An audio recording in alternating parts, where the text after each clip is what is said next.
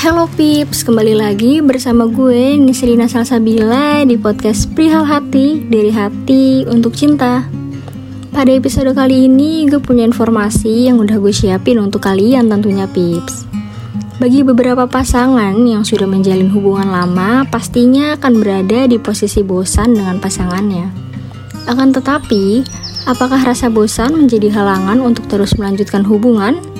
Dan apakah yang harus kita lakukan saat kita sedang merasa bosan dengan pasangan kita? Berikut tanggapan dari Jihan Nabila yang juga merupakan salah satu remaja yang sedang menjalani hubungan dengan seseorang. Mengakhiri hubungan menurut gue bukan jalan keluar di saat kita lagi ngerasa bosan sih. Mungkin kita bisa ngelakuin hal-hal baru biar rasa bosannya hilang. Itulah tanggapan singkat dari Jihan Nabila. Pips, cinta itu unik Semakin dibiarkan, maka akan semakin kering.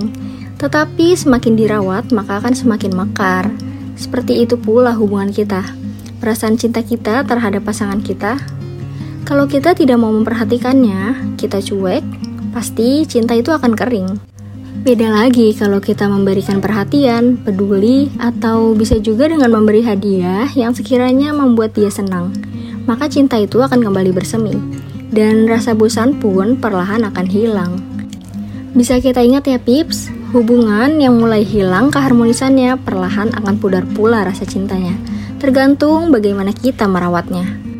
Oleh karenanya, rawatlah cinta itu. Pantengin terus podcast Perihal Hati untuk pembahasan menarik lainnya, karena hanya di podcast Perihal Hati, dari hati untuk cinta.